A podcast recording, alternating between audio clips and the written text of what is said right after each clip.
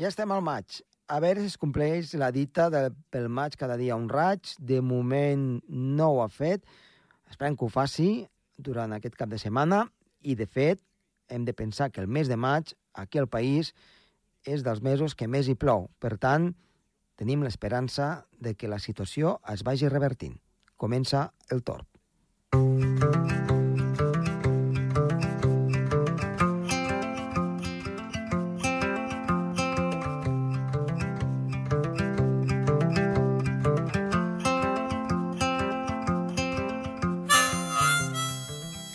Avui en el programa parlarem amb Gerard Tauler, que ens explicarà què és la corrent en raig, què significa i com ens afecta aquí al Pirineu.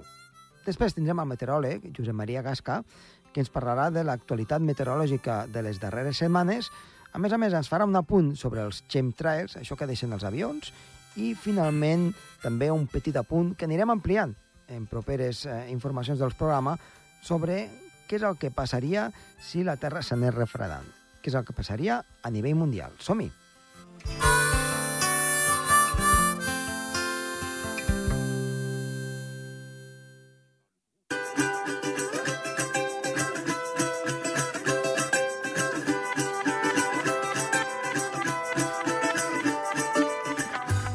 Iniciem el programa i parlem amb Gerard Tauler. Gerard, molt bona tarda. Molt bona tarda, Josep Tomàs. Què ens portes avui de punt meteorològic? Avui parlo de les, la, el corrent en raig, les seves ondulacions i la seva relació amb, les, amb els aiguats, les sequeres, les onades de calor i les onades de fred. Molt bé, i què és el corrent en raig? El corrent en raig és el motor director de la circulació general atmosfèrica en les latituds mitjanes. Uh -huh. eh, eh, eh, és un, un corrent de vents molt forts, eh, a 11.000 metres d'altura, que, que, que es donen als dos hemisferis de latituds mitjanes, que va fluctuant entre el sud i el nord, depenent de l'època de l'any, Sí? i, i que separa les masses d'aire fred de les, de les masses d'aire càlid. Uh -huh. I això, quan ens arriba aquí a Pirineu, eh, té alguna incidència, suposo, no?, amb el que m'estàs Sí, dient? doncs hi ha un augment de les precipitacions. Si, si tenim circulacions del nord-oest a, a l'hivern amb, amb corrent en raig, les nevades poden ser molt i molt intenses. I travessar la, la cara del Pirineu i ser intenses aquí a, a, a, al Principat d'Andorra. Uh -huh. Això seria, diguem-ne, principalment el que és el, que és el, el corrent en raig i que també porta a vegades eh, grans aiguats, no?, segons comentaves. Sí, sí, sí, sí. Per exemple, si, si el corrent en raig coincideix amb la part davantera d'un solc, doncs els, els aiguats poden ser molt i molt intensos. Uh -huh. Molt bé, doncs uh, gràcies per aquest apunt meteorològic i t'esperem una propera vegada. Vinga, fins la propera, Josep Tomàs. Adéu-siau. Vinga, adéu.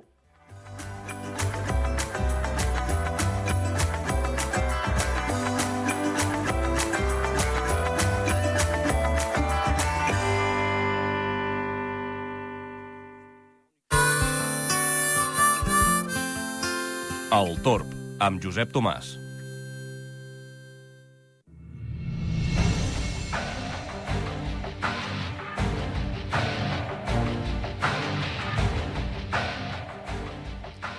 En el programa d'avui tenim a Josep Maria Gasca, en aquest cas des de Coi de Nargó, el nostre meteoròleg de l'Alt Urgell. Com estàs, Josep Maria? Perfectament, molt bé. Eh, esperant que la meteorologia ens doni hores de, de diversió o de satisfacció. Encara estem ansiosos perquè plogui. Sí, a veure, ja ho he fet una miqueta. Eh, si et sembla, comentem una mica la situació actual, que, és, que, que és força interessant, i la passada una miqueta.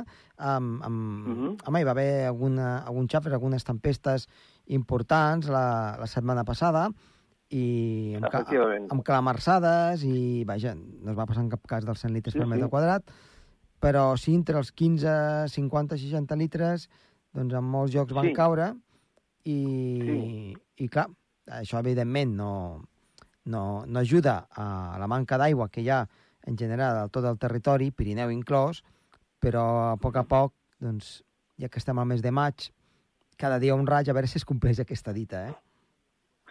Sí, però a l'abril, que cada gota valia per mil, Tururut viola, eh? eh, tampoc en van caure. No, no. I, I ara al maig, si fem una línia imaginària que vagi, de, per exemple, la ciutat de Barcelona fins a Puigcerdà, diguem-ne, Sí. eh, d'aquesta línia cap a l'esquerra, direcció occident, direcció, diguem-ne, Aragó, ha plogut poquet, Mhm. i d'aquesta línia cap a la dreta, que ens agafa Girona i les zones de Sau, Susqueda, mm, el mateix Girona ciutat, el mateix inclús baixant cap a Terrassa, zones del Maresme, ha, ha, plogut abundosament. I a la part aquesta d'Occident, la part que ja diguem de les Terres de Ponent, de la província de Lleida, nord de Tarragona, entraríem cap a Andorra, eh, i una part de Cerdanya, doncs ha plogut poc. Eh, vull dir, a Coll de Nargó, eh, entre diversos episodis que, que hem anat apuntant, apuntant, al final he sumat 10,2.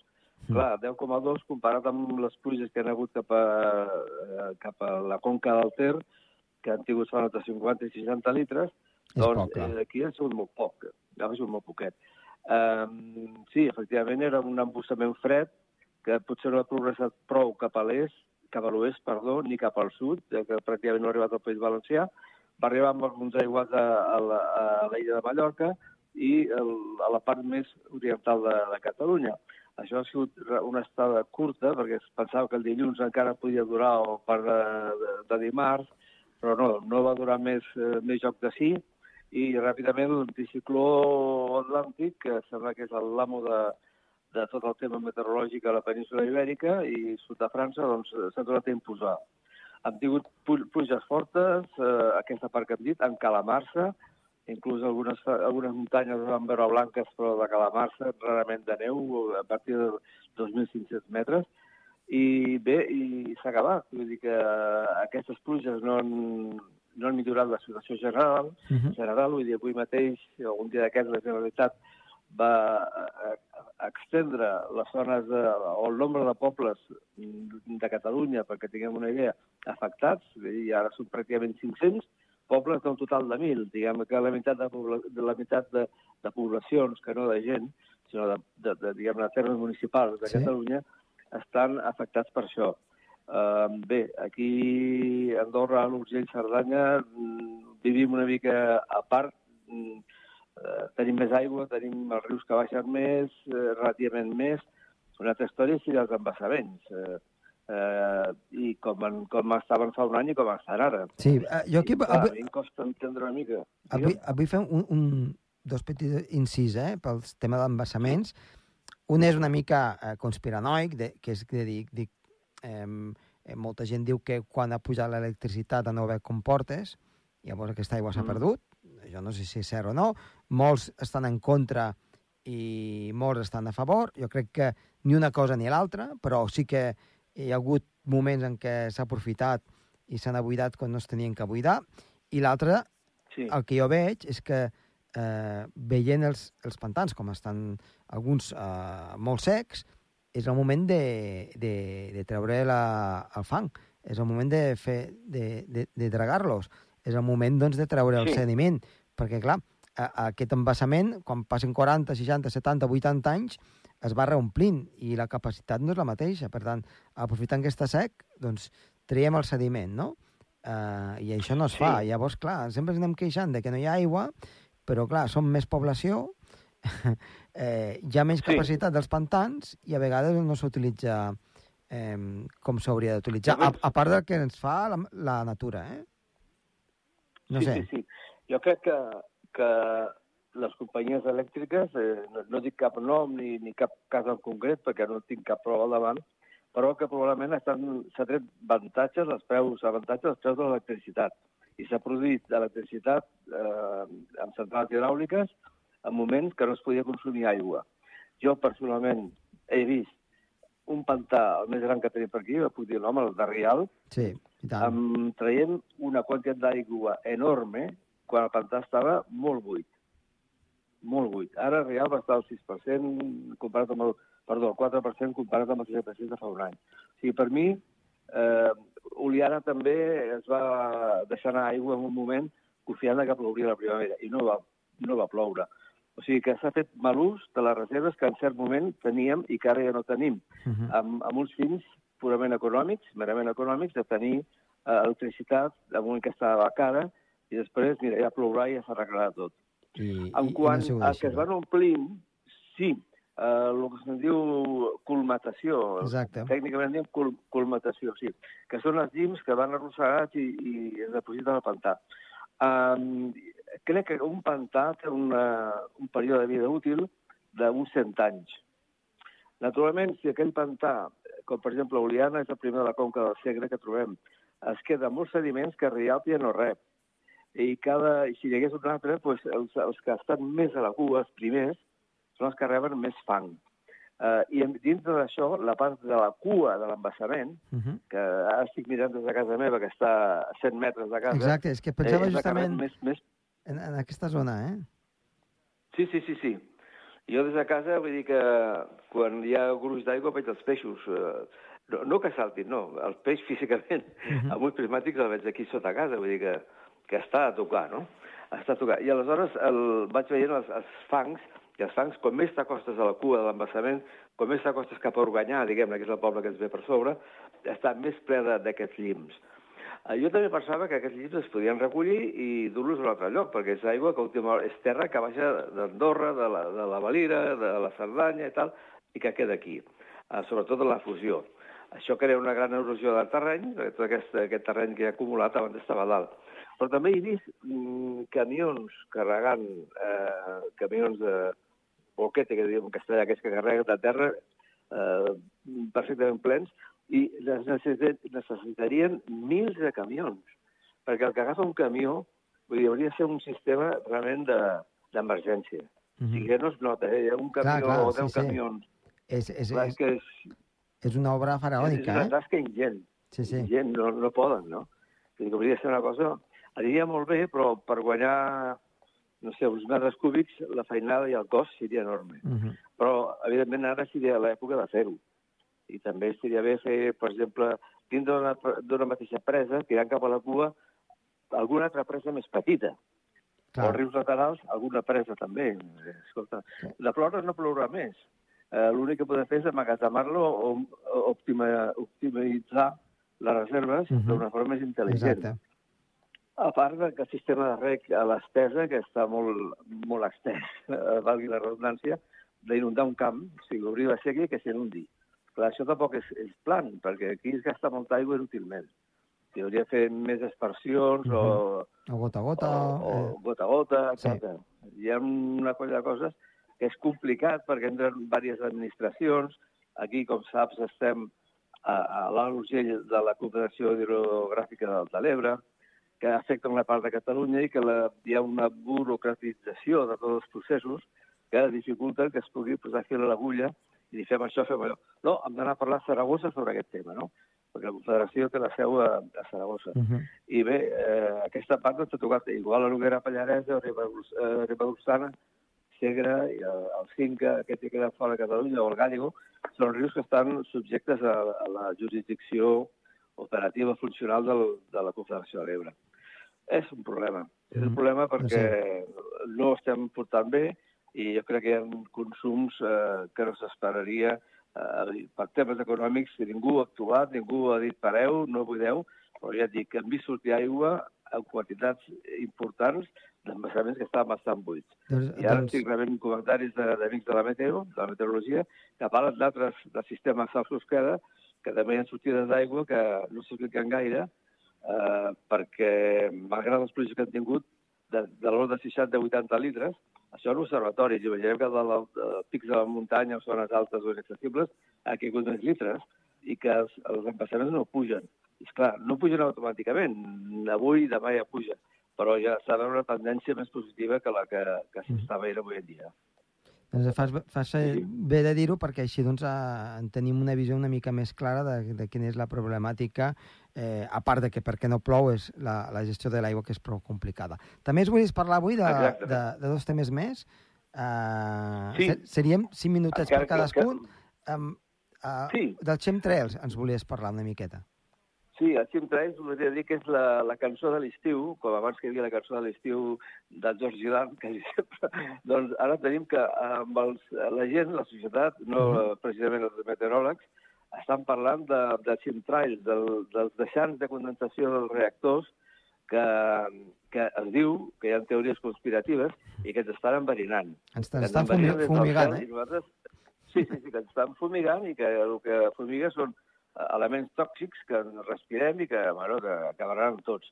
I llavors inclús hi ha vídeos, inclús a TikTok, eh, ara hi ha hagut una, una febrada amb el tema, que, mireu, aquest avió deixa estela, mm, perquè aquest està enverinant, i una altra foto d'un altre, d'un altre lloc, que a saber, un avió que no deixa estela. Perquè l'explicació ja la vam fer aquí ja fa unes setmanes, de que depèn de la condició d'humitat i de temperatura de l'aire, l'avió deixa estela o no en deixa, no? I que va l'avió. I bé, fotos i fotos, i un avió que diu que deixa les esteles que no surten del motor, sinó que surten d'un altre cantó. Bé, això vull desdir-ho totalment.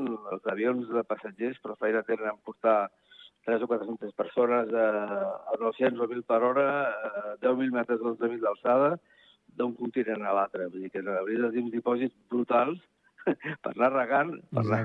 No, vull dir, res, no té cap base. O sigui, el que ho digui, si és un, un d'aquell talibà dialogant que no pot dir-li res, doncs millor deixar el tema, o si no, doncs dir, no, això s'ha de llegir i treballar a fons perquè no, no existeix. Fa anys que es parla d'aquestes teories o les avionetes. Això pot, algun d'això pot tenir una base per desfer núvols o per fer que condensin abans i que precipiti pedra més petita o que plogui en lloc de pedra. D'això pot haver-hi alguna cosa. Mhm. D'això pot haver-hi alguna cosa, no ho negaré. Però a gran escala, a escala mundial, avions, eh, diguem-ne, ruixant elements tòxics, ja ho podem descartar d'ara. El que no podem descartar és que no hi hagi un altre, un altre element que actuï. Que, que en aquest moment nosaltres no sabem els departaments del Pentàgon americà o de, o de Moscou o de Pequín que poden estar desenvolupant. Jo penso, en principi, que l'home no és tan, És que no tan, té... tan, tan irresponsable. No? A part, no té cap Però sentit. bueno, com veus... Perdó? No, no, no, no tindria cap sentit. No, no tenia cap sentit. Però, bueno, abans veus temes com la intel·ligència artificial que s'està sortint de control, doncs penses, bueno, doncs algú falla, que són capaços o no són capaços de controlar el que fem. Sí, però, però mi- mira, faig una petita reflexió, eh? eh el veritable verí que ens va venir a- amb la Covid, aquest no ho vam ben, ho, ho, ho anàvem veient com s'anava estenent i no vam, no vam saber reaccionar fins mesos després. I, i, Sí. i aquests conspiranois no van sortir. Eh, van sortir després No, dient no. tonteries, això sí. Eh? Però, Sí, eh, però des, quan ens va eh, arribar de cop, mm, ningú s'ho esperava.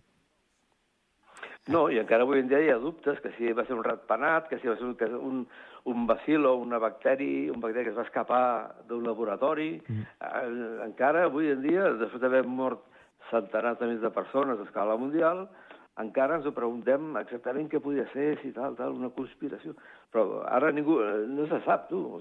En realitat no, no, no, no ha sortit un titular de diari atribuint les causes reals del problema, Uh -huh. sinó que hem estat visquent amb una, una, nebulo, visquent amb una Amb nebulosa, incertesa. es planteja també que les vacunes eren nocives, que les vacunes, hi havia figures, gent coneguda al món que va, es van negar a vacunar-se, i el que es vacunava tenia un cert, un cert temor de que si es va fent bé o, o no. I no una, sinó dos, i no dos, sinó tres dosis, i quasi la quarta. I, i bé, hi ha una incertesa de, de que sabem el que se'n diu en castellà de la missa a la meitat. Uh Mhm. -huh. Ni la meitat sabem. Sí, sí, aquest era un tema. I l'altre tema que volíem parlar avui, que mm, en principi era el tema heavy, era el, o més, més, amb més contingut, era què passaria si tinguéssim ara una, una, un refredament. Què Exacte. passaria si, al revés del que estem veient en els darrers 20 anys, del, del, dels anys 80 Uh -huh. o, o 40 anys, que, que, que es, es revertís la tendència i en lloc d'un escalfament, d'una mica cada any, de batre rècords de calor, i que mm, en pocs mesos han batut el, aquest mes d'abril o aquest any 2023 ja està resultant el més càlid des de no sé quan, i bé, i escolta, s'està creant també una... Ara seria parlar de que tot això, de sobte, para, estaria un any o dos sense augmentar, i a continuació començaria a baixar la temperatura. Què passaria al món? Mm, Pues jo penso que eh, d'entrada estaríem una temporada, un temps, eh, preguntant-nos eh, què passa, Mm. què està passant. Clar, Eh, jo diria que desconcert, primer no? de saber... Una mica. Sí, primer, primer no farem ni cas, no? Mira, aquest hivern ha sigut més, eh, més fred que el passat. Hi ha hagut més neu, una mica més de neu, però no gaire. La temperatura pràcticament no s'ha mogut. Però el primer que hauríem de fer és veure si, si aquest, aquesta refredada, fer una sèrie d'estudis, de, de dir, bueno, anem a... Si, si ho mirem a priori, imaginem que veiem una mica el futur i diem, bé, hem de veure aquest refredament en quants graus és. Quants graus diem, bueno, doncs mira, baixarà 3 graus. 3 graus és molt, de temperatura mitjana. Mm -hmm. En quant temps eh, baixarà aquests graus? Doncs pues mira, jo crec dos hiverns consecutius amb augment de geleres i, i més inhibició i baixada de la cota de neu innivada, ja seria un, algo que faria pensar. A partir del cinquè any, de, de l'any 5, ja l'hauríem baixat un parell de graus de temperatura i la gent ja començaria a encendre alarmes. Els icebergs i els gels de les geleres eh, serien eh, ampliats més grans perquè eh, hi hauria menys aigua circulant en forma líquida, sinó que s'aniria fent sòlida. Eh, tornaria a haver-hi permafrost a Sibèria, que és la terra gelada fins a 1 o 2 metres sota la superfície, i això fomentaria potser que hi hagués un anticicló siberià fred, a més que retroalimentaria el, el sistema, no? O sigui, tindríem menys aigua circulant, més gel, eh, els conreus de que el clima actual ha propiciat que es puguin anar avançant, com vinyes, hores... Eh, veuríem que, que al cap de 5 anys o 7 anys s'anirien desapareixent, no?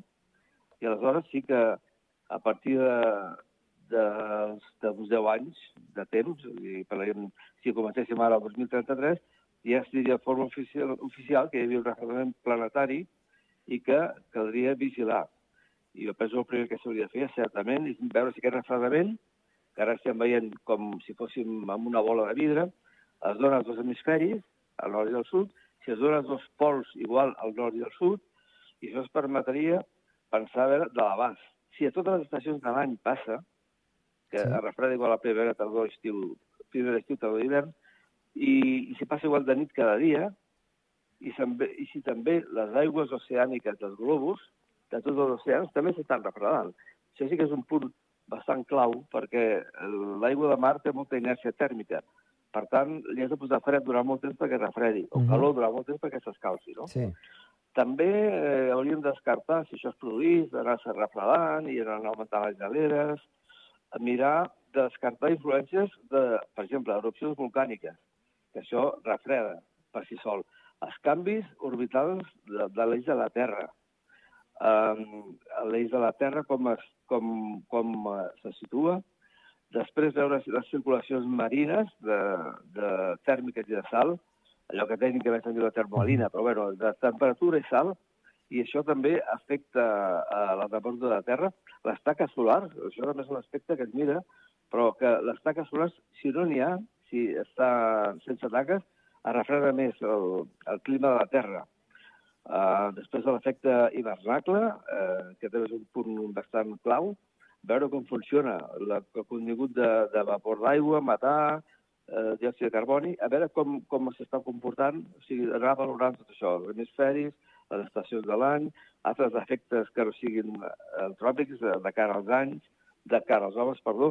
Després hi ha mínims solars, com el mínim de Maunder, és un, és un període de baixa eh, radiació solar, que es produeix cada 600 a 1.100 anys, no té una regularitat, però també hi ha molts mínims, el de Maunder, el de Dalton i d'altres. Eh? Fas un, un dent de serra, una, una línia de temperatures i fan un dent de serra vertical i, i, i molt marcat i horitzontal, puja i baixa, no? Perdó, ascendent i descendent. Eh, després pensar que la fauna i la flora se'n ressentirien, encara tot i que són més resistents del que creiem. Naturalment s'escurçaria l'estiu i s'allargaria l'hivern. Ara actualment s'estan... Eh, ara duren cinc setmanes els estius, eh, s'estan allargant. Més o menys eh, des dels 80 s'estan allargant, no? S'allargarà l'hivern, baixarà el nivell dels oceans, perquè amb el cas d'escalfament de, la, la temperatura fa dilatar les aigües, les aigües eh, oceàniques, en el cas de, de que baixem temperatura, baixarem, eh, el que farem serà contraure, hi hauria una contra, contracció tèrmica a tot, el, a, tot el, a tot el planeta, no? I, en fi, hi ha coses ja més col·laterals, mm. però a mi... el turisme també es bonificaria, després s'haurien de trobar energies, perquè consumiríem més energia, més energia per escalfar. Uh -huh. i que no basades en combustibles fòssils per no contaminar. I llavors hauríem de veure com es milloren els aïllaments tèrmics, quines alternatives tenim, perquè això sortiria sobre la taula bastant ràpidament. Jo crec que... Uh, pensant que el petroli ja sabem com va, pues, seria crític també. Amb, amb, el Sí, que, sí. amb el que ara fins ara ens has explicat, perquè és que ja no ens queda més temps, han fet un uh Mhm. -huh. primer plantejament eh, molt ampli, eh, Sí. que crec que en properes eh, edicions del Tor en podíem parlar, per exemple, de, dels cicles de Milankovic, eh, el mínim de Maunder, eh, i tot això que Sí. estàs explicant sobre les energies. I llavors jo t'emplaço, si vols, per la propera vegada, per desenvolupar una mica més això, que és, que és molt interessant. El cicle, sí. Eh? Sí, sí, perquè no és molt conegut i, i, i és, és molt aclaridor. Doncs Josep Maria, eh, moltíssimes gràcies per estar avui aquí amb nosaltres al Tor. Moltes gràcies a tots vosaltres i a l'audiència. Adéu-siau. Eh, Molt agraït. Adéu-siau, bona tarda.